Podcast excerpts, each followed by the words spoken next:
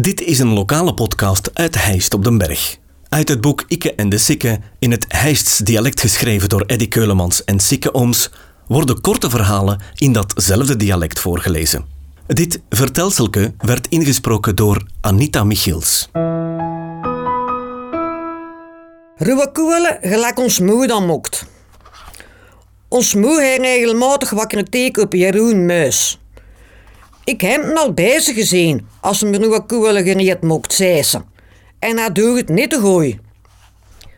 Hij bewoont eerst de najoen en dan doet hem die geraspte ruwe koel daar bovenop. Dat is stuiven. En ik moet niks hebben van gestuifde koelen. Je moet beginnen met wat water in een grote stuifpot en daar doe die geraspte koel op met rauw gesnipperde ajonen er bovenop. En je laat dat zooien totdat dat goed merg is. Dan giet dat af. Je mokt in het midden van de smurrie een putteke en je doet een bekken boter onder in die pot. Bovenop de koel doe een schefkes appel. Een appel of vijf. Maar opgelet, dan moeten boskoopappelen zijn en zeker geen Jona Gold.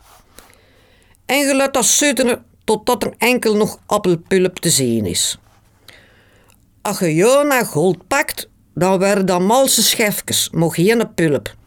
Het is daarmee.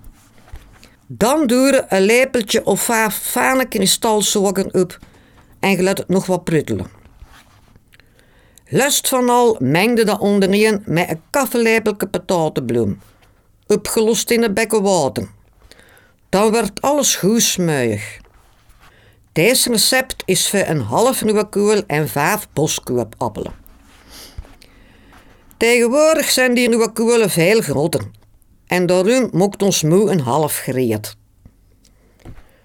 Vroeger stonden er bij ons in den hof schoenklaan ronde ruwe koeletjes en dat waren gooi.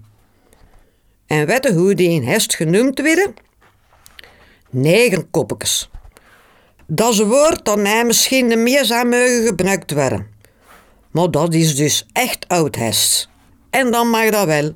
Deze podcast kwam tot stand dankzij Huisdresselaars en Tropical. Volg de podcast op Facebook. Reageren kan je via de website ditishijst.be slash ikke en de of ikkeendesikke.be.